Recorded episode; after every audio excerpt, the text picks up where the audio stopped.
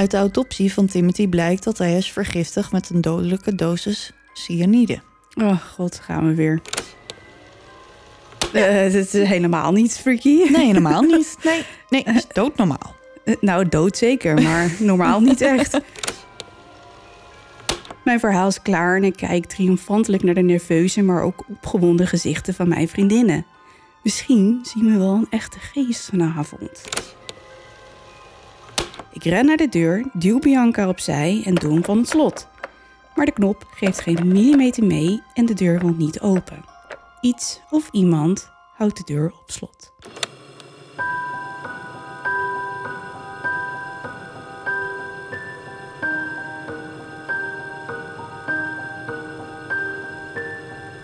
Dit is Duister. Een podcast waarin je wordt meegenomen naar het onbekende, het onbegrijpelijke. Zwarte bladzijden van de geschiedenis komen voorbij. Hier hoor je de verhalen achter moord, doodslag en onverklaarbare gebeurtenissen.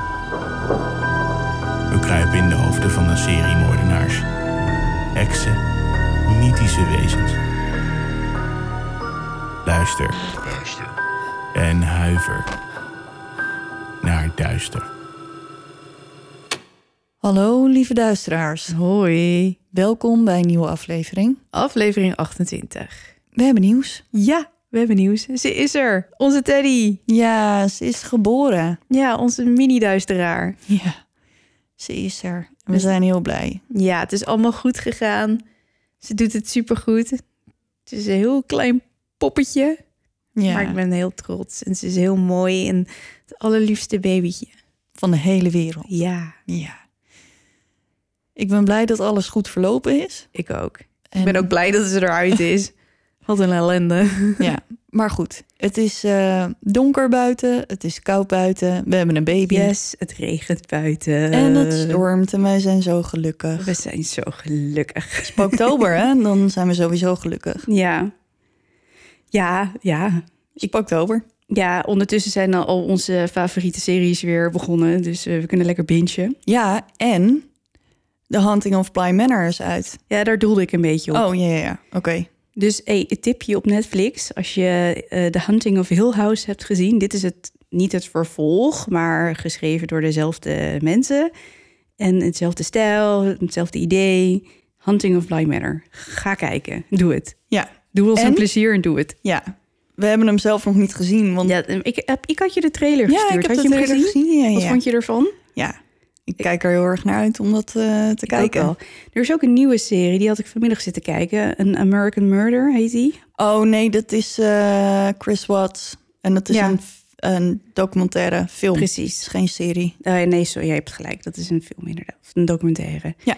Maar die vond ik ook wel... Ja, en die belicht de hele andere kant van de zaak hmm, dan wat er... ik kende heel die zaak niet. Maar hoe kan je- pardon? Wat zeg je? Hoe kan je die nou niet kennen?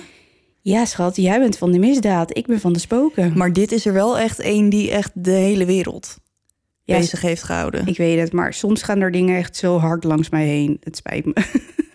zou soms vervangen met zeg maar redelijk vaak. maar oké. Maar nu we het toch over kijktips hebben.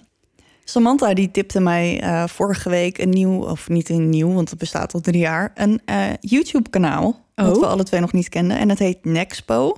Dus expo met een Met een N? ervoor. Ja. En niet alles is even goed. Maar hij maakt filmpjes over internetmysteries. Oh? En bijvoorbeeld de dark web.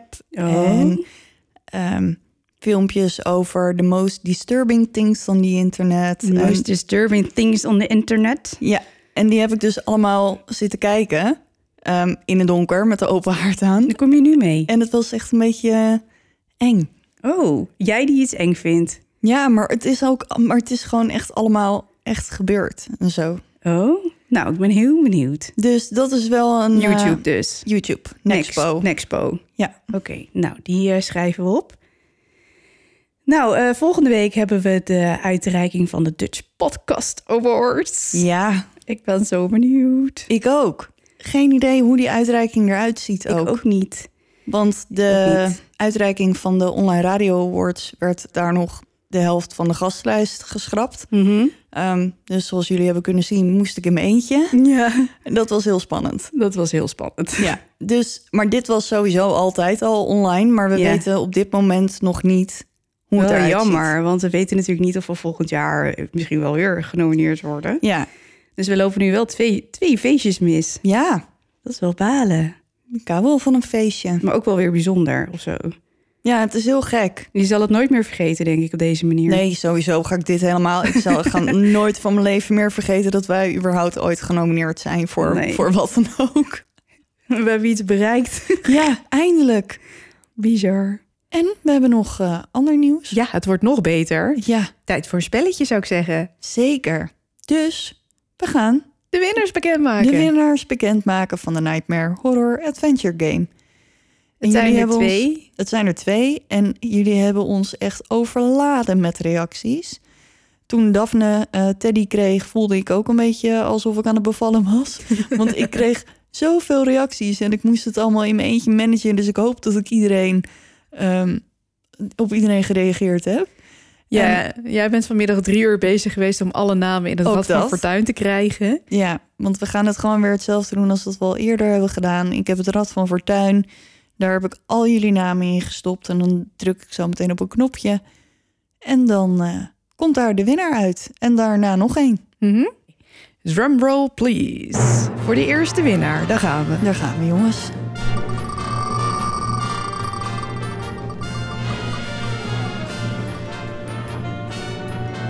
En het is geworden... Ja. Spannend. Oeh, het is zoex.ig. Ja, gefeliciteerd. Jij bent de eerste winnaar. oh, leuk. Oké, Ja, superleuk. Ehm volgende. de laatste.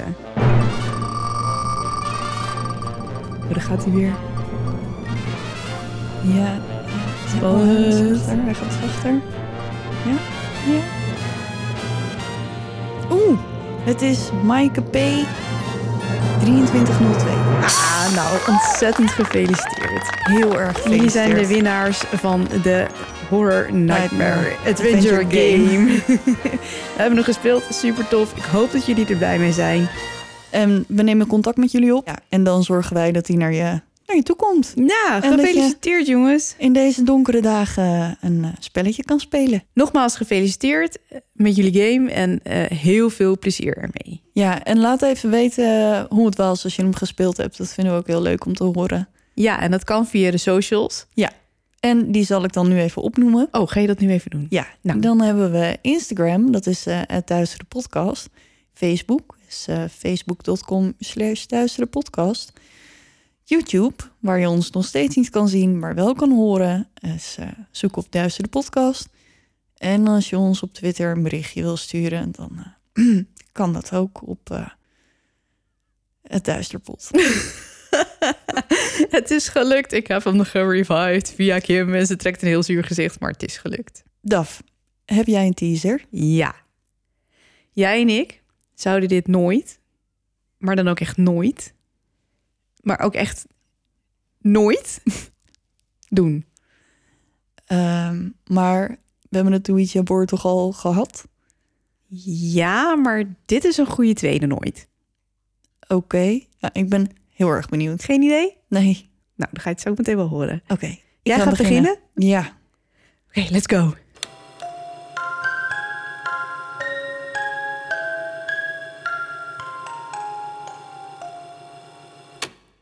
Oké, volgens mij is dit een redelijk bekende zaak, maar met Halloween mag die zeker niet ontbreken. Nee. Want vandaag vertel ik namelijk het verhaal van The Man Who Killed Halloween. Oh? Ja. Op 31 oktober 1974, Halloween, gaat Ronald O'Brien met zijn kinderen trick-or-treaten. Het is een regenachtige avond en Ronald en zijn buurman Jim Bates gaan met hun kinderen op pad. Ronald en Jim hebben alle twee kinderen. Alle twee twee kinderen. Ja, oké. Ronald loopt steeds met de kinderen mee naar de deur, terwijl Jim op de stoep blijft wachten. De kinderen zijn natuurlijk hartstikke blij. Het is vooruitzichtvol, tassen vol met snoep. ja. Zorgt ervoor dat ze van huis naar huis rennen. Bij een van de huizen waar ze aanbellen, doet er niemand open. Ze wachten eventjes, maar geven het al snel op en gaan door naar het volgende huis. Ze hebben geen tijd om zo lang te wachten. Hoe meer huizen ze kunnen bezoeken, hoe meer snoep ze krijgen. Ronald blijft achter en wacht nog even bij het huis. Een paar minuten later voegt hij zich weer bij de groep met in zijn handen vijf pixie sticks van zo'n 50 centimeter lang. En pixie sticks zijn van die dichte rietjes met daar snoeppoeder in. Oh ja, ja, ik weet wat je bedoelt met van die blauw, roze, geel eh, Ja. gemixt. En dan doe je het topje eraf en dan kun je hem zo, Zo naar binnen atten. gieten. Ja. Ja. alsof je een vlugeltje had. Maar dit zijn dus hele grote, 50 centimeter lang. Oké, En ehm, dus, Ja. nou ja, goed. Pixie sticks. oké. Hij zegt dat iemand eindelijk de deur open had gedaan en hem de pixie sticks had gegeven. Hij deelt ze uit onder zijn kinderen en die van Jim. En de vijfde geeft hij aan een jongetje dat hij herkent van zijn kerk. Niet lang daarna begint het hard te regenen, dus ze besluiten er een eind aan te breien en naar huis te gaan. Eenmaal thuis zegt Ronald tegen zijn kinderen dat ze alle twee één snoepje uit mogen kiezen om te eten voordat ze naar bed gaan. Zijn zoon Timothy kiest voor de gigantische pixie stick. Hij probeert hem open te maken, maar dat lukt hem niet, dus hij vraagt zijn vader om hulp. Als Ronald hem open heeft gemaakt en hem aan Timothy geeft, zet deze hem aan zijn mond en giet het snoep naar binnen. Mhm. Timothy klaagt tegen zijn vader dat het bitter smaakt en Ronald geeft hem een glas Kool-Aid, dat is limonade. Mhm. En Timothy spoelt de smaak weg en dan is het tijd om naar bed te gaan. Nog een uur later ligt Timothy in de badkamer. Hij klaagt over buikpijn en hij geeft over. Niet veel later begint hij te stuiptrekken. Ronald is bij hem en houdt hem vast terwijl ze wachten op de ambulance. Op een gegeven moment stoppen de stuiptrekkingen en Timothy wordt helemaal slap. De ambulance arriveert en ze gaan op weg naar het ziekenhuis. Nog voor ze bij het ziekenhuis aankomen is Timothy overleden. Nog een uur nadat hij zijn pixie stick heeft gegeten. Uit de autopsie van Timothy blijkt dat hij is vergiftigd met een dodelijke dosis cyanide. Oh god, gaan we weer. Zijn je maar weer? Ja, dat is niet de eerste cyanide. Nee. Omdat ze weten dat Timothy als laatste de pixie stick heeft gegeten, onderzoeken ze deze. En ja hoor, dit is wat Timothy vergiftigd heeft. De politie gaat snel aan de slag om de rest van de pixie sticks te lokaliseren. Want er zijn natuurlijk Mhm, Nog die vier, kindjes. andere. Ja. Ze weten natuurlijk dat Jim's kinderen er twee hebben. En Ronald's kinderen hebben er ook twee. Dus dat is dan een makkie. Mhm. Maar nu die laatste nog, die van de jongen van de kerk. Als ze bij zijn huis aankomen, schrikken zijn ouders zich natuurlijk kapot en ze doorzoeken gelijk zijn snoep. Ze kunnen de pixie stick alleen niet vinden. Oh nee. Hun zoon lag nog lekker te slapen en zijn moeder rent naar zijn kamer en ziet dat haar zoon de stick in zijn slaap vast heeft. Oh god. Het leek erop dat hij had geprobeerd om hem open te maken, maar dat was hem godsdank niet gelukt. Oh, godzijdank, inderdaad. Ja. Alle vijf de sticks werden getest en alle vijf bevatten ze cyanide. Het lab onderzocht ook de stick zelf en kwam tot de conclusie dat iemand de bovenkant open had gemaakt en 5 centimeter snoep had vervangen met 5 centimeter cyanide. Daarna waren ze weer dichtgemaakt met nietjes. Met nietjes. Met nietjes, waren gewoon dichtgeniet. Maar dat is wel de reden dat ze het niet open kregen. Gelukkig. Nou ja, niet voor Timothy, maar wel voor dat andere yogi. Ja, ja. De stick van, want ik moet wel zeggen, al- normaal is gewoon plastic. Dus het is echt gewoon een, een dicht rietje. Ja. Dus als je gewoon een plastic rietje pakt en je knijpt de onderkant dicht Ja. en de bovenkant, zo zitten ze normaal dicht. Dicht. Gewoon gesield, zeg maar. Ja, ja, ja, oké. Dus niet geniet, het is gewoon Nee. allemaal plastic. Dus je knipt echt de top eraf en dan Mm. kan je het eten. De stick van Timothy bevatte genoeg cyanide om twee volwassen mensen te vermoorden. De overige vier hadden genoeg cyanide in zich om drie of vier volwassen mensen te vermoorden. shit. Ja, je hebt ook echt maar een klein beetje nodig. Maar dit is echt een soort van overkill. Nou ja, nogal. Een paar dagen na de begrafenis van Timothy krijgt de politie een telefoontje van de verzekeringsagent van de familie O'Brien. Hij had het idee dat er iets niet klopte met de dood van Timothy en dat wilde hij graag aan iemand laten weten. De, wacht, de verzekeringsagent? Ja, Wat heeft die er nou mee te maken? dat ga ik je nu vertellen, want hij vertelt hen dat Ronald of Ronald, sorry, Mhm. levensverzekeringen had afgesloten voor zijn kinderen, niet lang voor Halloween. En Ronalds vrouw was hier niet van op de hoogte. En daar is Emily. Daar zijn we inderdaad. En daar komt ze. Goed, hij had leveringsverzekeringen Le- afgesloten. levensverzekering. ja, wat zei ik dan? Leveringsverzekering. Oh, dat bedoelde ik uiteraard niet. Eh, maar Ehm. goed, hij had dus een levensverzekering afgesloten voor beide kinderen Ja. vlak voor Halloween. En zijn vrouw weet er niks van. Ja. Kun je een verze- levensverzekering afsluiten voor je kinderen? Ja. Ik dacht dat het alleen voor jou en je partner kon. Nee, nee, nee. Je kan voor iedereen eh binnen voor Emily. gezin. Nou, dat lijkt me niet. maar wel voor het spook en Ja, dat de baby's. Oké. In Nederland is het volgens mij niet zo'n heel ding, toch? Nou, het bestaat hier wel. Ja, dat weet ik. Maar in Amerika heb ik het idee dat het Is daar het veel groter, vaker eh, ja. gebeurt. Goed, we gaan verder. Mhm. De politie had Ronald natuurlijk al gevraagd bij welk huis hij het snoep had gekregen, maar hij claimde dat hij zich dat niet kon herinneren. Dat vond de politie al een beetje een vaag verhaal, aangezien het in zijn eigen buurt was. En ze waren maar door twee straten gelopen tijdens het trick-or-treaten voordat het begon te regenen. De politie ondervroeg iedere bewoner in die straten, maar niemand had pixie sticks uitgedeeld. Aangezien Ronald zich blijkbaar niet kon herinneren welk huis het was, vraagt de politie of hij mee wil komen naar de straten die ze hebben gelopen, zodat hij het huis misschien aan kon wijzen. Ze lopen de straten drie keer op en neer en na de laatste keer is de politie het zat. Uiteindelijk neemt Ronald hem mee naar het huis waar hij het snoep vandaan heeft. Hij wijst het aan en vertelt de agenten nog een keer wat er die avond gebeurde. De bewoner had de deur op een kiertje open gedaan en de pixie sticks naar buiten gestoken. Het enige wat Ronald zag was een harige arm. Oké. Ja. Goeie verklaring wel. En Mhm. dat duurde drie blokken rond voordat hij dat Ja, zich voor- herinneren. Nou ja, in ieder geval dat huis. Aha, Hij wist niet meer welk huis het was. nee. De politie doet natuurlijk gelijk onderzoek naar de bewoner van het huis. En ze komen er snel achter dat, het, eh, dat de man een ijzersterk alibi heeft. Voor de avond van Halloween. Hij was er niet. Nee, hij werkt namelijk als, namelijk als air traffic controller. En hij was die avond aan het werk. En hij kwam pas na 11 uur s'avonds thuis. En hij had 200 mensen om zijn alibi te bevestigen. Oh ja. Want er werken blijkbaar best wel veel mensen op een vliegveld. Hè? Ja, precies. Hij zit in de... Toren. De, to- de vliegtoren, ja. Ja. De vliegtoren, hoe heet zo'n ding? Een verkeerstoren. Nou, dat is minder spannend dan ik dacht. Ja, maar het is dus geen vliegtoren. Nee. Een lucht... Nee. Luchtverkeersleider is hij dus Ja, in een verkeerstoren. Verkeerstoren. Zijn vrouw en dochter waren die avond wel thuis en hadden snoep uitgedeeld. En toen al het snoep op was, hebben ze gewoon alle lichten uitgedaan. Dat is een soort van universeel teken met Halloween, dat je geen snoep meer uitdeelt. Ja, precies. En Het- aangezien ze geen snoep meer hadden, deden ze ook de deur niet open toen er geklopt werd. Logisch. Ondertussen wordt Ronald natuurlijk steeds verdachter, dus ze nemen hem eens goed onder de loep. Ze komen erachter dat de familie O'Brien meer dan 100.000 dollar schuld heeft.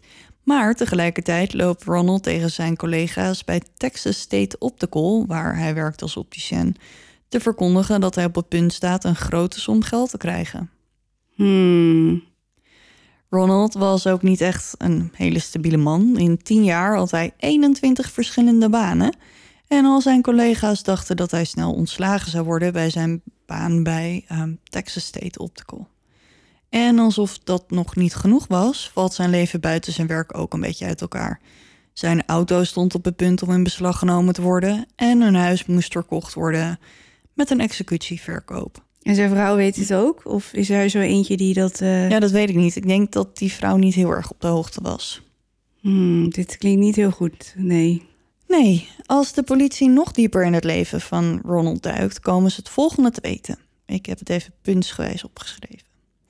Als ze met zijn collega's praten, vertellen ze hun dat Ronald een zorgwekkende vraag had gesteld, namelijk of iedereen zomaar cyanide kon kopen. Oh god, oh god. Dat komt overeen met wat een professor van de Harris County Community College hem vertelde.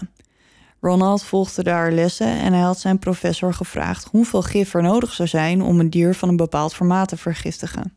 Oké, wacht. Nou, we voelen hem allemaal wel aankomen. Maar dan ben je toch dom als je zo'n vraag stelt. Ja, het, ik ben nog niet klaar, Daphne. Mm.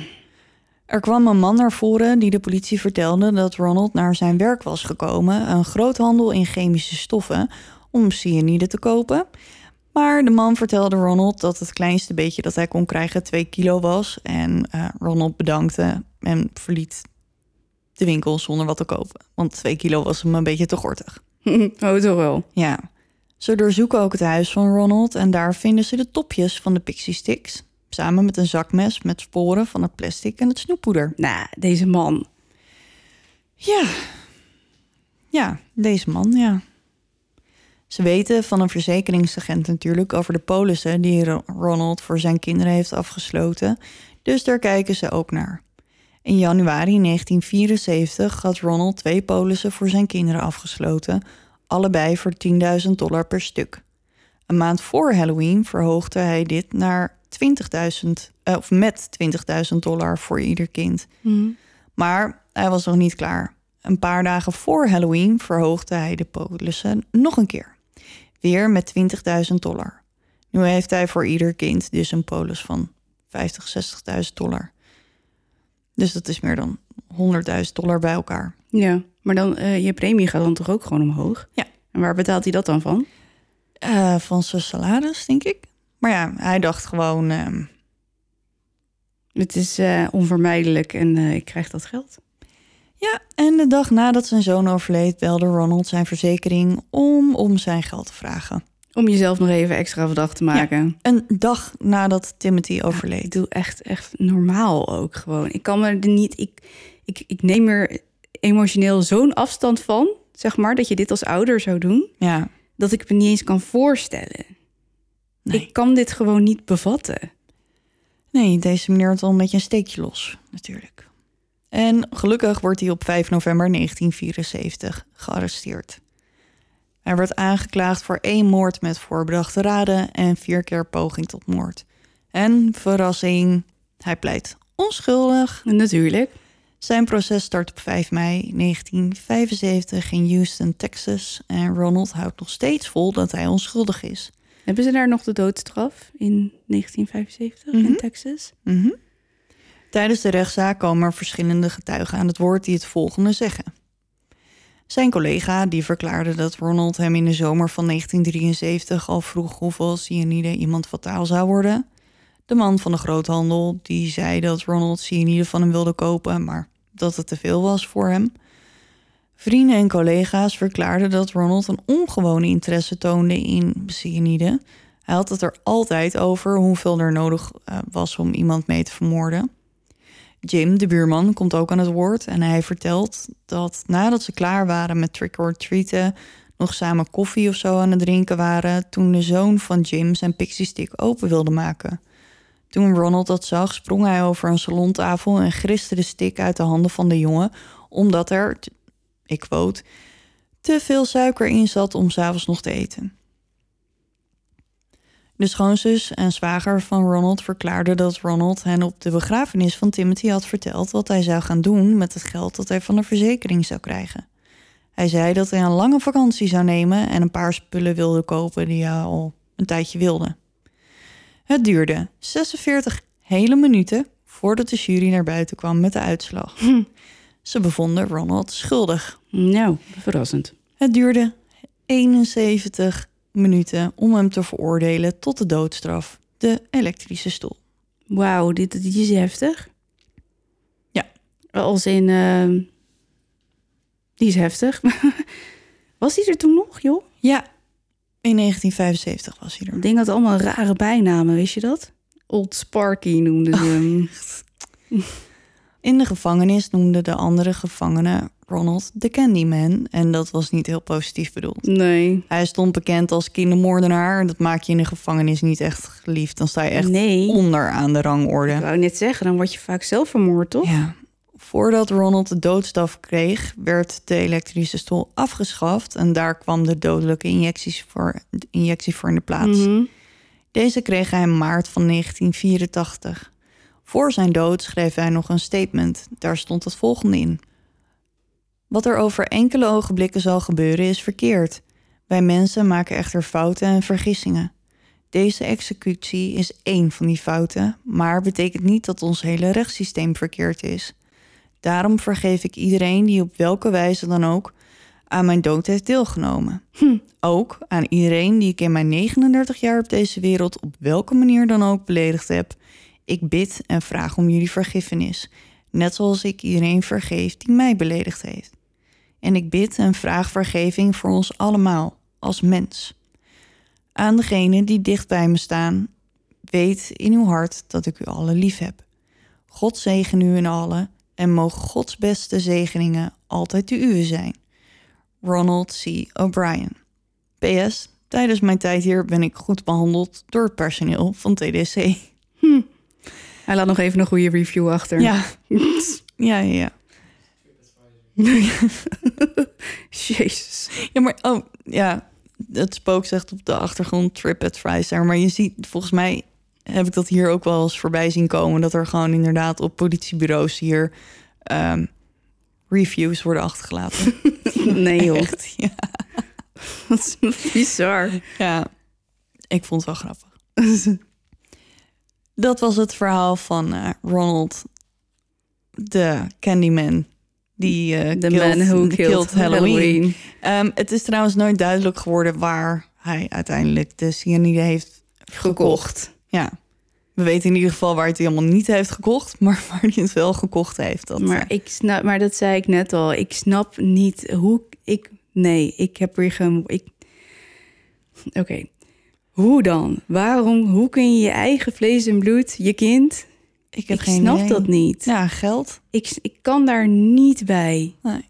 Ik kan daar ook niet een beetje bij, maar ik kan er gewoon Nee, helemaal gewoon echt niet niet. bij. En ik kan er ook gewoon niet bij hoe vreselijk dom. Ja, Zo dom. de dag erna ga je bellen met je verzekeringsagent. Ja, en, en dat die belt vervolgens de politie. Hé hey, jongens, ik weet het niet hoor, maar Ja, en ook weet je dat al die dingen dan nog in je huis liggen. ja, En, maar eh, was hij wel helemaal ja, Of was hij misschien gewoon niet zo intelligent? ik weet het niet, maar ja, weet ik ook niet. Maar in- ik bedoel, we kunnen wel concluderen dat hij niet heel slim was. mm, nee, dat is wel het meestal eh, het gevolg van niet heel intelligent zijn. Wat een, een rare mens op deze planeet. Ja, ik, we zullen, ik kan die mensen nooit begrijpen. Nee, Gewoon echt nooit. nee, dat is misschien maar goed ook. Want dat Ja. betekent dat je niet zo kunt denken. Ja. Maar goed, ik had een verrassing. Ja, je zei het. Ik ben Ja. heel benieuwd. Wat krijgen we nu? Het zit namelijk zo. Ehm, dit is natuurlijk Halloween en ik wilde graag een Halloween verhaal doen. En, ehm, maar deze was niet zo lang. Nee, En toen dacht ik, ik doe er nog één. ik ga er nog één doen. Jee. Ja, en deze wilde ik eigenlijk al doen ehm, na jouw verhaal over de poppen. Ja? Oh, dat is wel een tijd terug. Ja, maar hij is veel te kort om er een Oh. hele aflevering mee te vullen. Ah, dus ik, dacht, snap jouw dan, plan. kan ik, dan kan ik deze mooi hier achteraan... en dan hebben we gewoon alsnog een goed gevulde aflevering. Maar dan kan ik hem in ieder geval toch een keer vertellen. Heel slim. En ik zal je alvast vertellen, hij heeft helemaal niks met poppen te maken. Oh, Maar ik moest er wel ehm, aan, Aan denken. denken. Ja, nou, ik ben heel benieuwd. daar gaan we dan.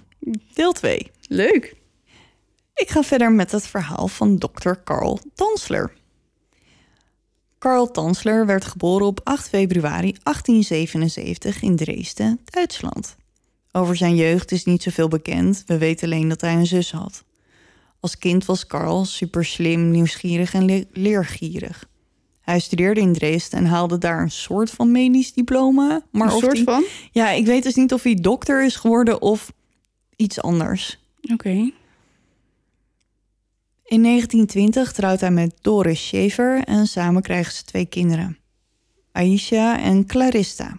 Clarissa werd maar tien jaar oud en ehm, ze overleed aan difterie, oftewel kroep. Ja. En kroep is een hele besmettelijke infectieziekte die de slijmvliezen aantast. heeft toch met hygiëne te maken en zo? Nee, het is gewoon echt een ehm, Een infectieziekte. infectieziekte. Oké.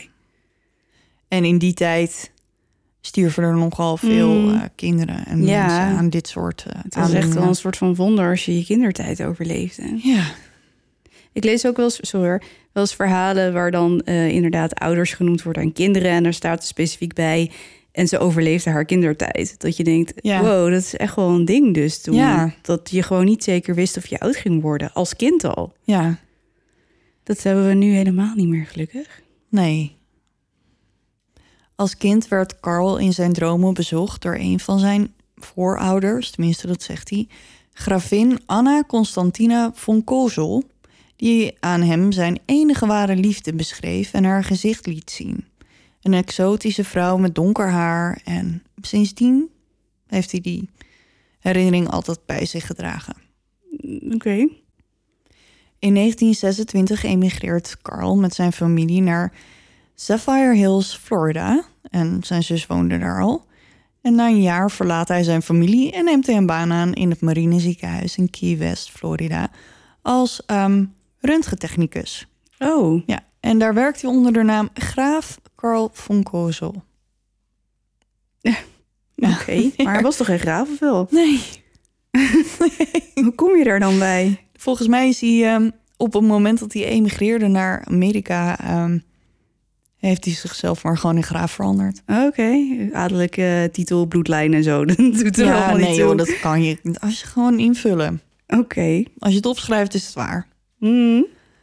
Als hij drie jaar in het ziekenhuis eh, werkt, wordt er een jonge vrouw naar binnen gebracht. De 22-jarige Cubaans-Amerikaanse Maria Elena Milagro de Hoyos. Zo, zo. Wat een mooie naam. Ja, haar moeder maakt zich zorgen omdat ze ziek is geworden en wil dat ze nagekeken wordt. Elena, zoals ze genoemd wordt, is geboren in 1909 in Key West.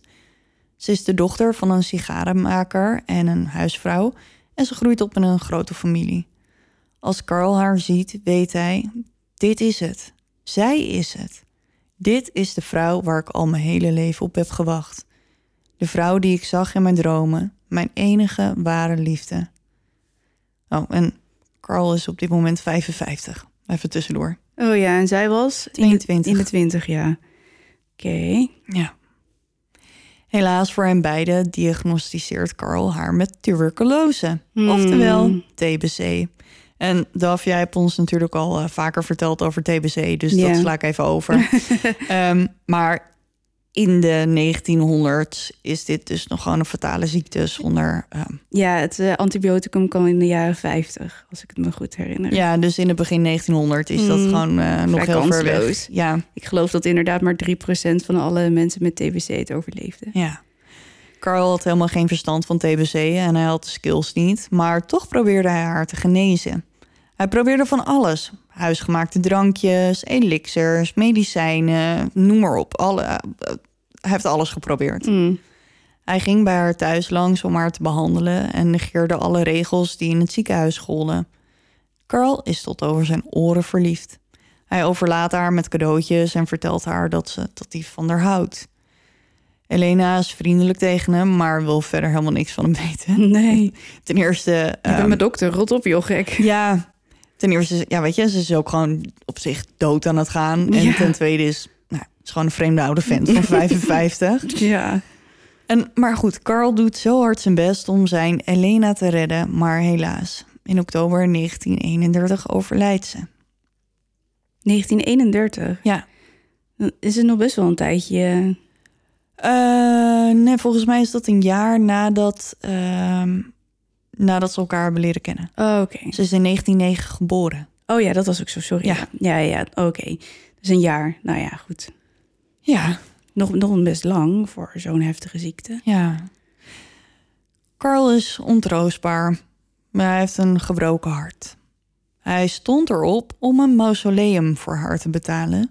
Dus dat is zo'n graf boven de grond en met een hekje vaak. En dat zijn dan van, van die hele mooie Statige graven. statige graven. Mhm. En hij vraagt de familie van Elena toestemming om haar te laten balsemen. Oh ja, oké. Wat de familie van Elena zich niet realiseerde, is dat Carl als enige toegang had tot het mausoleum. Eeuw. Hij was de enige met een sleutel en daar maakte hij graag gebruik van. Eeuw. Twee jaar lang bezocht hij haar mausoleum iedere avond, tot hij ineens stopt nadat hij zijn baan kwijtraakt. En we weten niet waarom hij zijn baan kwijtraakte. Maar wat doet hij daar iedere avond dan? In dat mausoleum zitten. Eh, een beetje freaky of zo? Hmm, beetje? Beetje maar. Eh, De familie was op de hoogte van deze bezoekjes en ze vonden het vreemd dat hij er ineens zo abrupt mee gestopt was.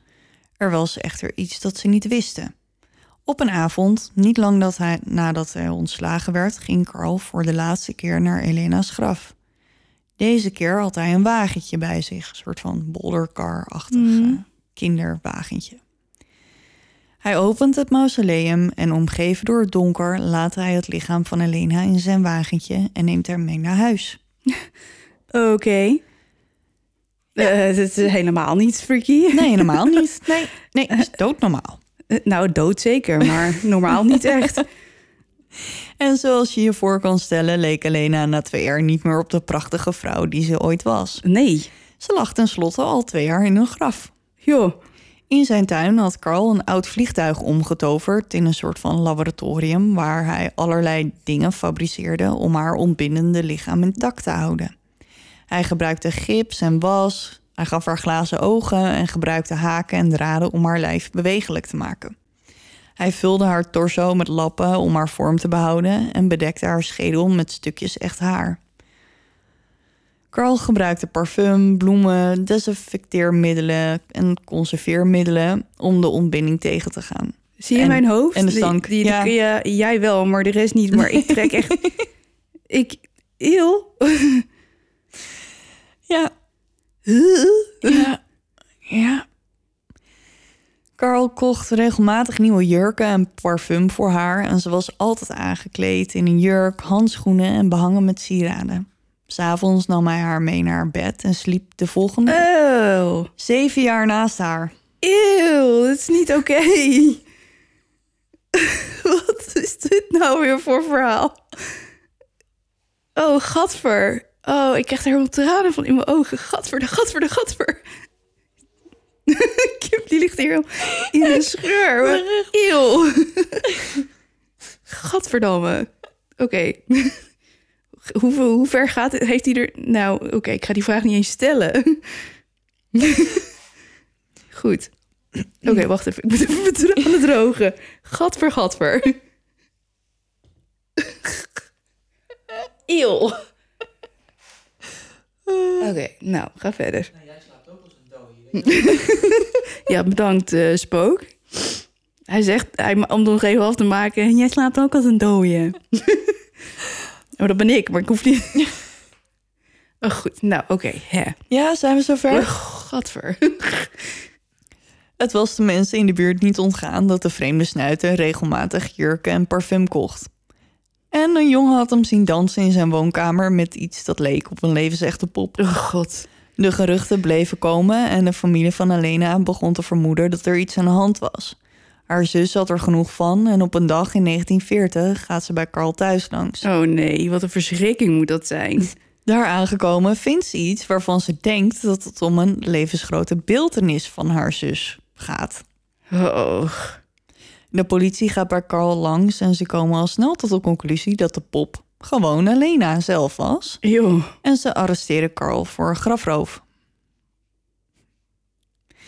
Er wordt een autopsie gedaan die de fijne kneepjes die ehm, Carl, Carl, met zijn ja. werk verricht had ehm, aan het licht bracht. Ze vinden een papieren buis die tussen haar benen was gestoken om een geïmproviseerde vagina te creëren. Oh, jezus. Carl heeft altijd ontkend seks met haar te hebben gehad. Dus volgens hem is hij geen necrofiel. Nee, vast niet. Alleen maar een heel, hele raar man. dat gaat hem te ver. Jongen, jongen, jongen. Hij kreeg een psychiatrische evaluatie om vast te stellen of hij bekwaam genoeg was om terecht te staan. En dat was hij.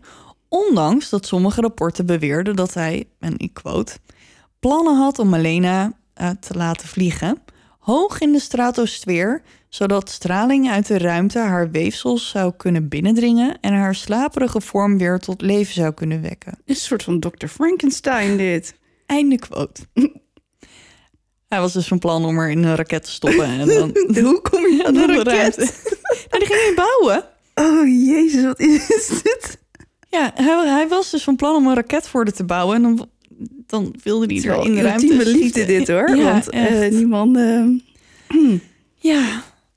Helaas zou Carl nooit terecht staan voor wat hij met Elena's lichaam had gedaan. Of tenminste, hij stond wel terecht. Maar ehm, toen ze met de rechtszaak bezig eh, waren, kwamen ze tot de conclusie dat de verjaringstermijn voor de misdaad verstreken was. En Carl was vrij om te gaan en staan waar hij wilde. Nog. Alsof Elena na haar dood nog niet genoeg had moeten doorstaan, werd er besloten haar tentoon te stellen bij een Oh. begrafenisondernemer. Ja, joh. Ongeveer 7000 mensen kwamen naar haar lichaam en wat Carl daarmee gedaan had, kijken. Uiteindelijk werd ze voor de laatste keer te rusten gelegd op een begraafplaats in Key West in een ongemarkeerd graf. Hoezo ongemakkelijk? Oh, dat is dat mensen niet dus. haar... Nee, nee, nee, nee, nee. Ze waren bang dat Carl weer terug zou komen om haar Ah. opnieuw op te graven. Dus ze, wilden, God. dus ze moesten de graf geheim houden. Zodat ze gewoon voor eens en altijd gewoon in vrede kon rusten. Jezus.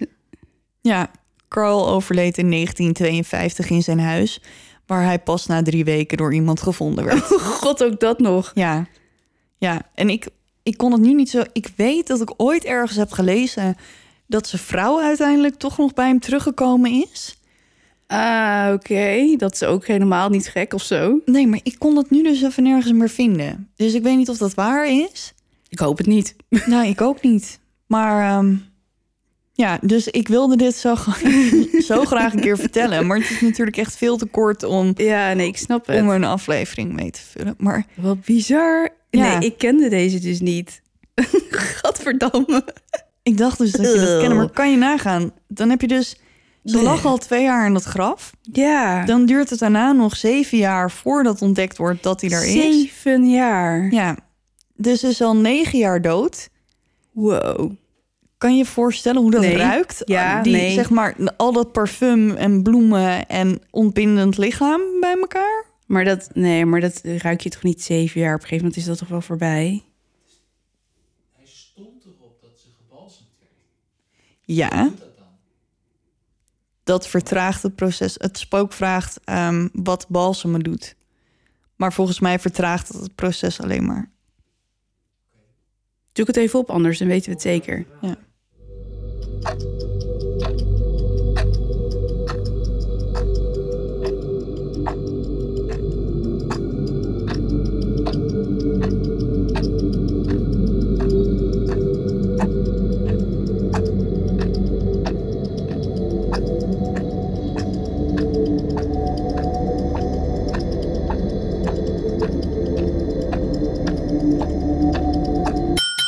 Oké, dus wat je al zei, het vertraagt dus het ontbindingsproces. Ja, maar ja, dat kan natuurlijk tot een bepaald punt. eh, en dan is het wel ook een beetje ja, klaar. ja precies. Ja. Eh, Wow, nou echt eh, hartelijk dank. Ik, ik heb gelachen.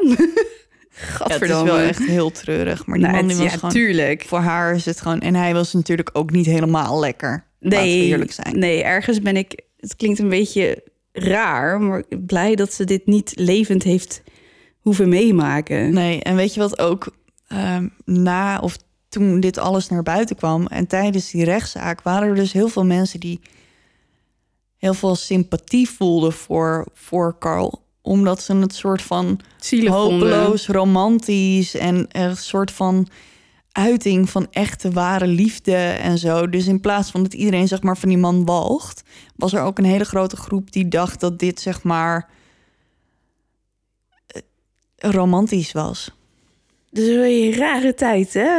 Ehm, Ja, eh, de eerste helft van de 19e of de 20e eeuw, sorry. ja. Heel bizar dit. Ja, dus ik wilde hem jullie niet onthouden, jongens. Nou, ontzettend bedankt. ja, ik lach wel, maar ik vind het gewoon echt heel goor. Ja, Ik hoop dat ik nog kan slapen vannacht. vast wel. Ik hoor net dat je ook als een dode slaapt.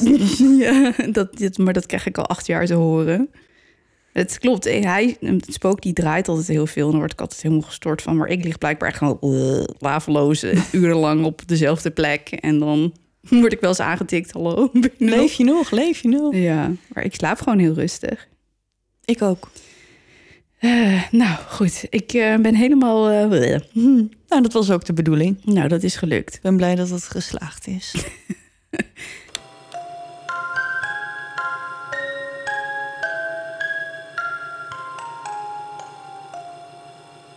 Goed, van mijn kant dus vandaag een heel andere aflevering dan dat je gewend bent van mij. Want ik wilde in het kader van Halloween gewoon een keer een spannend verhaal vertellen. Ik weet niet helemaal zeker of het echt gebeurd is of niet. Er staat namelijk geen bron bij. En de persoon die het opgeschreven heeft, die wilde anoniem blijven. Maar het is heel spannend en het is gebeurd op Halloween nacht. Ik weet ook niet het jaartal. Maar voordat ik ga beginnen, wil ik graag eerst eventjes een beetje vertellen hoe eh, Halloween nou precies ontstaan is. Oké, vertel. De jaarlijkse Halloween-traditie is ontstaan door het oude Keltische oogstfestival Samhain genoemd. Samhain? Samhain. En het is natuurlijk Keltisch. Ja. Mijn Keltisch is niet fantastisch. Niet? Ik dacht dat je dat vloeiend sprak. Ja, in, Nee. een, in een andere leven. Maar dit is hoe je het uitspreekt, op zijn Nederlands. dit eeuwenoude feest sluit het oogstseizoen af in oktober en luidt het winterseizoen in in begin november. Het feest krijgt wijdverbreid door Europa de bijnaam All Hallows Eve, oftewel The Night Before All Saints Day, oftewel de nacht voor Allerheiligen. En dat die dag is op 1 november. Ja. En dat is bij ons wel al heel lang een ding. Ja. En Halloween dan weer niet. Nee, dat klopt.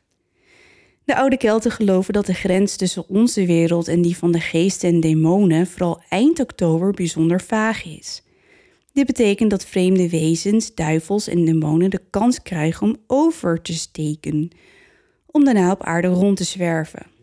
Om deze duistere wezens af te schrikken, verkleden de mensen zichzelf als de meest angstaanjagende monsters die ze zich kunnen bedenken zodat de wezens ze als een van hen zullen aanzien en ze dan ook met rust zullen laten. Anderen bieden de wezens snoepjes aan om ze op deze manier dan maar te vriend te houden. Omkoping. Ja. In het middeleeuwse Europa adopteren de katholieke geestelijken de in hun ogen heidense gebruiken van de Kelten en laten hun aanhangers van huis tot huis gaan, gekleed in enge kostuums en het verzoek om voedsel in ruil voor een gebed voor de doden. Daarbij dragen ze uitgeholde raaplantaarns met daarin een kaars. De kaars verbeeldt een dode, dolende dode. Een Dolende dode. dolende dode. Die vastzit in het vagevuur. Snap je het nog? Het is Ja, gewoon ja. Oeh. Spooky. Het gebed zal de genereuze gever beschermen tegen de duivels van de nacht. Ierse settlers nemen vervolgens het feest mee naar Amerika en daar verandert All Hallows Eve met de tijd in Halloween. Het verkleden en vragen om geschenken blijft bestaan en evolueert door de eeuwen heen tot het hedendaagse trick-or-treat. Nou, ik zei het al, vandaag dus een, een iets ander verhaal van mijn kant. Het is geschreven door een anoniem persoon op internet. Ik heb dus ook geen andere bronnen. En deze persoon heeft het vanuit zijn eigen perspectief geschreven. Geschreven. Oké. En het speelt zich af op de nacht van Halloween. Die Halloweenavond logeren mijn beste vriendinnen bij mij thuis. Alex, Bianca, Sabrina, Lacey en ik. Mijn ouders zijn er niet. We maken pompelmuffins en kijken films en doen ons haar en make-up. Om de beurt openen we de voordeur en geven de buurtkinderen snoepjes en spelen we hun trick-or-treat spelletjes mee. Rond middernacht is het trick-or-treaten wel zo'n beetje voorbij en wordt het rustig in de straat. We hebben niks meer te doen, dus tijd om te improviseren. Laten we dat Bloody Mary ding eens doen, stelt Lacey plomp verloren voor. Alex, die met gekruiste benen op haar slaapzak zit, zegt... En wat is nou weer dat Bloody Mary ding? Nou, dat hoef je mij niet te vertellen. Nee, dat weten wij wel. Sabrina, die aan de andere kant van de kamer op haar buik, op haar ellebogen steunend half in haar slaapzak ligt, zegt nu: Nee, kom op, Alex. Iedereen kent het Bloody Mary-ding. Je staat met een brandende kaars voor de badkamerspiegel en zegt drie keer de naam van Bloody Mary. Dan verschijnt haar geest, die er precies zo uitziet als de dag dat ze stierf, superbloederig met littekens over haar hele gezicht. En op Sabrina's gezicht verschijnt een brede grijns. Oh, echt? Klinkt fantastisch. En waarom denk je precies dat ik tante Bloody Mary wil zou willen zien? vraagt Alex sceptisch. Waarom niet, zeg ik vanaf mijn plekje op de slaapbank in de woonkamer. Ik heb dus altijd al een geest willen zien. Zou toch leuk kunnen zijn? Trouwens, ik heb gehoord dat ze je toekomst kan voorspellen als je haar correct oproept, voeg ik eraan toe. En als je haar niet correct oproept of ze blijkt in een pestbui te zijn, dan zal Bloody Mary je ogen eruit trekken en je gezicht verminken, zegt Lacey op een bijna vrolijke toon. of je wordt dood aangetroffen met klauwen of druk over je hele gezicht en je lichaam. Of je moet eeuwig met Bloody Mary in de spiegel zitten, voegt Sabrina er achterloos aan toe. Nou, gezellig.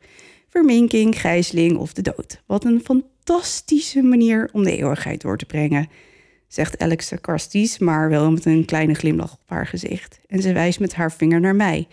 Nou, bij wie kan ik me aanmelden? Jongens, kom op, het is maar een lulverhaal, zegt Bianca terwijl ze probeert te balanceren op één voet op de armsteun van de slaapbank. Het is gewoon maar een dom verhaal dat wordt verteld om kleine kinderen bang te maken. Bloody Mary is niet echt.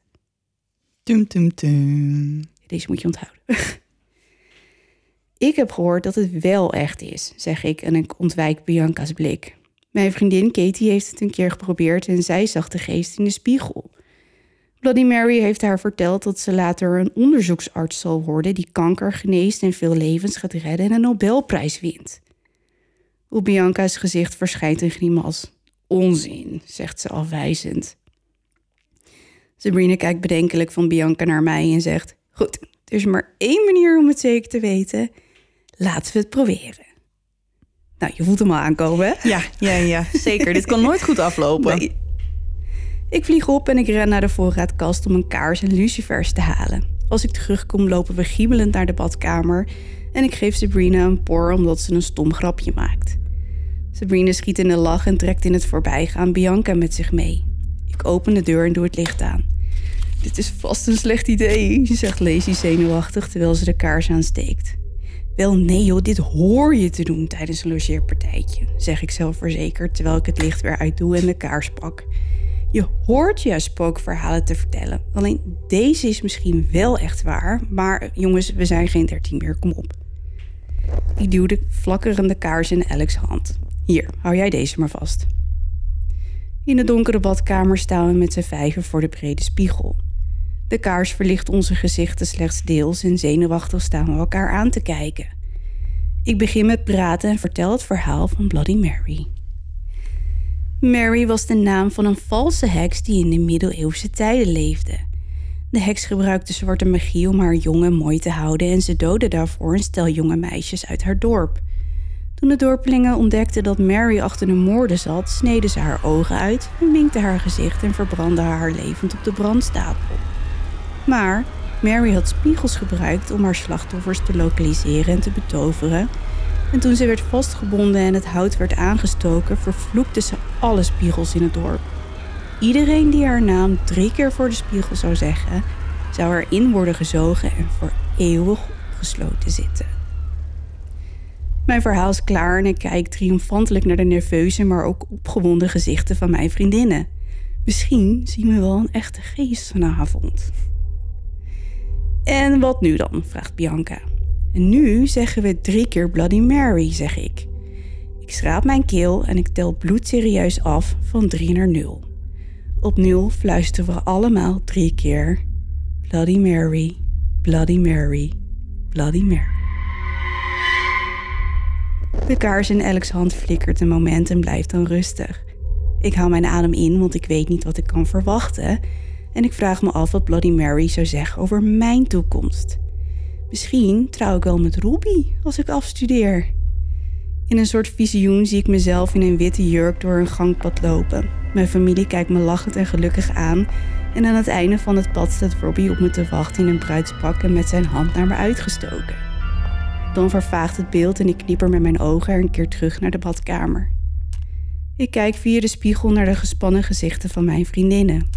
Het enige geluid in de badkamer is het tikken van het opwindklokje dat mijn moeder daar heeft bewaard. Ik knijp mijn ogen fijn en probeer door de spiegel naar een soort duistere onderwereld te zoeken waar ik zowel bang voor ben als dat ik hoop dat hij echt bestaat. Het is Bianca die de stilte verbreekt. Er gebeurt echt niets, jongens. Laten we maar gewoon teruggaan. Ze staat het dichtst bij de deur, draait zich om en pakt de deurknop vast. De deur gaat niet open. Ze draait aan de knop, maar die zit muurvast. Ik frons. De deur was niet op slot toen we aan het ritueel begonnen. Dat weet ik zeker.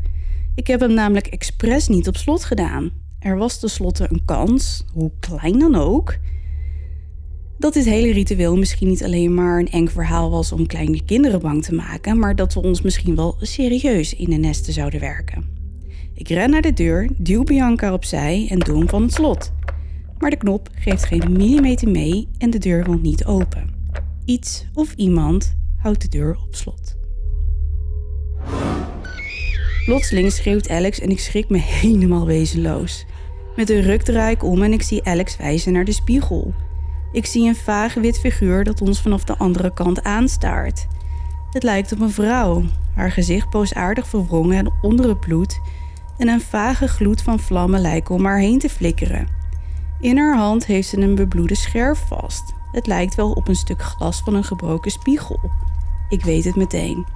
Het is Bloody Mary. Wie had het anders moeten zijn? Oh ja. We schreeuwen nu allemaal en mijn vriendinnen lopen achteruit bij de spiegel vandaan. Iedereen, behalve Alex. Het arme meisje staat als bevroren bij de wastafel met de kaars nog steeds in haar trillende hand. Ineens schiet Bloody Mary naar voren met in haar hand het stuk gebroken glas en snijdt Alex in haar gezicht. Er verschijnen lange krassen op Alex' wangen en ze wankelt achteruit met een kreet van pijn. Ze laat de kaars vallen en haar handen komen omhoog om haar gezicht te beschermen. Een soort enorme schokgolf van woede komt nu uit de spiegel. Het lijkt wel een explosie van vuur die ons omverblaast. Ik klap naar achter en mijn hoofd raakt de muur en het wordt zwart voor mijn ogen. Ik zie letterlijk sterretjes en hoor een piep in mijn oren. Op de achtergrond hoor ik vaag mijn snikkende en schreeuwende vriendinnen en iemand probeert me omhoog te trekken. Daarna wordt alles zwart. Even later word ik in het donker wakker en krabbel ik omhoog. Wanhopig tast ik naar de lichtschakelaar en ik zet hem aan. Het plots felle licht doet pijn aan mijn ogen en ik wrijf met de vlakke kant van mijn hand iets waterigs uit mijn ogen. Uh, het is bloed, maar dat interesseert me niet, want naast mij zie ik Lacey bewusteloos op de grond liggen. En aan de andere kant zie ik Alex verdwaasd naast de wastafel zitten. Haar kleren zijn kapot gescheurd en ze heeft diepe krassen over haar armen, benen en gezicht. Sabrina zit ineengedoken te snikken naast de wc. Ik trek haar omhoog en mijn adem stokt als ik zie dat ook zij onder de schrammen zit. Ze heeft te dicht bij de spiegel gestaan en Bloody Mary heeft ook haar te pakken gekregen. Ik laat Sabrina even en probeer nu Lacey en Alex wakker te krijgen. Gelukkig komen de beide meisjes snel bij hun positieve. Ik zei toch dat dit een slecht idee was, snikt Alex. Plotseling realiseer ik me dat we maar met z'n vieren op de badkamervloer zitten. Waar is Bianca? zeg ik geschrokken en ik begin spontaan te huilen. Ik klauter overeind en staar naar de badkamerspiegel, maar die weerkaatst alleen de muur achter mij en mijn angstige gezicht. Ik kijk om me heen, maar er is echt geen spoor van Bianca. Oh mijn god, waar is ze dan? Is het echt door Bloody Mary de spiegel ingetrokken? gebeurt dit echt? Wat moet ik in godsnaam haar ouders vertellen? Duizend gedachten schieten door mijn hoofd. Probeer anders de deur nog een keer, zegt Alex. Haar stem klinkt onvast. Ik stap over haar heen en loop naar de deur. Ik pak de knop en draai. En met een klik schiet de deur open. Ik open de deur en geef hem een zetje. Daarna help ik de rest omhoog en we begeven ons naar de woonkamer in de ijdele hoop dat Bianca daar in haar slaapzak ligt. Er is niemand. We zoeken overal naar haar en ik sta op het punt mijn ouders naar maar te bellen om deze puinhoop aan ze te bekennen als Lacey ineens een gil slaat vanuit het washoek. Ze is hier! Jongens, jongens, ze is hier. Godzijdank. Bianca ligt bewusteloos naast de wasmachine met bloed en krassen over haar hele gezicht. Bloody Mary heeft een boodschap diep in het vlees van haar rechter onderarm gekrast. Bespot mij niet, ik ben echt. Mijn maag krimpt ineen en ik voel me misselijk worden als ik de boodschap van Bloody Mary in Bianca's arm gekrast zie staan. Maar in plaats van over te geven, kniel ik naast Bianca neer en raak met mijn hand voorzichtig het hoofd van mijn vriendin aan in een poging haar wakker te maken. Na bijna een minuut haar naam gezegd te hebben, doet ze dan eindelijk haar ogen open. Ze kreunt en ze komt langzaam omhoog. Bianca, wat is er gebeurd? Vraag ik zachtjes terwijl ik haar wonden dep met een schone handdoek die op de strijkbank ligt. Die, die klap, begint Bianca huiverend. En daarna dat, dat ding. Het knalde jullie omver, greep me bij mijn haar en trok me toen door de spiegel. Ik voelde iets in mijn gezicht en mijn handen krassen en ik probeerde terug te vechten. Maar ik werd tegen de grond geslagen en aan mijn haren over een koude vloer gesleept. Ze, eh, Bloody Mary gooide me daarna in een donkere kamer en ik kon niks zien. En ik voelde dat zij mijn arm omklemde en er was een vreselijke pijn. En dat is alles wat ik me herinner tot ik jouw stem net hoorde. Ze kijkt naar mij en daarna naar haar pijnlijke arm. Ze wordt zo bleek dat ik denk dat ze weer flauw gaat vallen. Dus duw ik haar hoofd voorzichtig tussen haar knieën totdat de duizeligheid voorbij is. Ik blijf bij Bianca en de anderen ruimen het bloed in de badkamer op en daarna schuilen we met zijn vijven bij elkaar in de woonkamer. Te bang om te slapen. De hele nacht denken we na over wat we mijn ouders zullen vertellen. We moeten toch die ondertussen blauwe plekken op onze lichamen verklaren en de wond op mijn achterhoofd. We verzinnen een slap verhaal dat we tijdens een kussengevecht tegen het meubilair zijn aangebotst en dat de ritsluitingen van de kussens de krassen hebben veroorzaakt. Ja, met z'n vijven tegelijk. Mhm. En zo. Niemand is van plan om de boodschap van Bloody Mary op Bianca's arm te laten zien. De ontmoeting met Bloody Mary is nu 19 jaar geleden en we zijn nog steeds vriendinnen. We hebben sinds die nacht nog wel logeerpartijtjes gehad, maar niemand van ons heeft ooit de naam van Bloody Mary hardop durven uitspreken. Mijn dochter wilde laatst glaasje draaien en ik schrok daar zo van dat ik haar heb toegeschreeuwd dat ze dat nooit mag doen en dat ik het haar verbied. Ze is boos geworden en weggegaan, maar liever dat ze boos om is dan dat ze hetzelfde mee moet maken als wat ik al de jaren geleden heb meegemaakt. En dat was het verhaal van Bloody Anoniem Mary. en Bloody Mary. Wat een verhaal, joh. Ja, bizar hè? Ik zat het ook te lezen en ik dacht, wow, wat gebeurt hier allemaal? Ja. Wauw. Ja, Bloody Mary. Dus niet drie keer zeggen voor de spiegel. Nee. En wij hebben het nooit gedaan, want we durfden het niet. En ik ga het nooit doen ook. Ik wilde gaan vloeken, maar dat ga ik niet doen. Maar ik vertik het. Ik doe het niet. Ik nee, doe het niet. ik ook niet. nee. Nee, laat maar. Nee, ik heb Carrie ook gekeken en zo. En Ja, dat- ik ook. Ik heb het boek ook gelezen. ja. Oh, ik ook. Oh ja? Heb Ja. jij een Stephen King boek gelezen? Ja, sterker nog, ik was laatst mijn kamer aan het opruimen mijn boekenkast. En toen bleek ik hem dubbel te hebben. Oh, net Ja. zoals ik. Ik heb ook alles dubbel. Ja. Nou, dit was onze Halloween special. Onbedoeld, maar Onbedoeld, wel ja, heel... dit was eh, niet gepland. Nee, Maar wel heel special vond ik hem. ja, het is toch leuk om het een keer een beetje zo op te, op te mixen. Ja, precies. Nou, we zijn eh, heel benieuwd naar de uitslag van volgende week. Dat gaan we natuurlijk Ja. echt jullie helemaal dood mee gooien nou, met deze uitslag. Dus eh stand by eh, for that. Ja, volg ons ook op social media daarvoor. Ja, doe jij anders even een rondje socials. Ja, zal ik dat even doen? Mhm.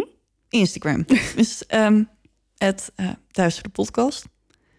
Facebook is eh, facebook.com Ja. Duistere Podcast. Hoe lang doe je dit nou al? Ja, al eh, 28 afleveringen. Ja, je moet dit toch weten. Kom op. Ja. Doe jij het anders een keer? Nee, want ik weet het helemaal niet. Nee, dat bedoel ik. Oh, oké. Eh, YouTube hebben we. Ja, Dat is eh Duistere Podcast. Moet je even zoeken. je kan ons nog steeds niet zien, maar wel Nee. horen. Wel horen. Dan heb ik foto's van Alena. Dus Nee, die zal ik even op de website zetten. maar wacht, in, in welke staat? Allebei. Oh, nou die sla ik even over Nee, hoor. het is niet zo erg als dat je denkt. Nou, Het lijkt hem gewoon meer op een soort van papier-maché eh, pop. toch sla ik hem even over. Nou, dat valt me echt tegen. Ja, dat zal wel. Maar bij mij blijven dat soort beelden echt te lang hangen. Over vier jaar kan ik het nog voor de geest halen. Dat wil ik dan gewoon echt niet. Maar ik, voor ehm, onze duisteraars, het lijkt ja, als, je meer op het, een eh, als je het wel wil, dan... eh, Als je het wel wil, kijk dan even op de website. Ehm, en ook als je denkt, eh, ik weet het niet, het is niet eng, vind ik persoonlijk. Het is gewoon een soort van papier-maché pop.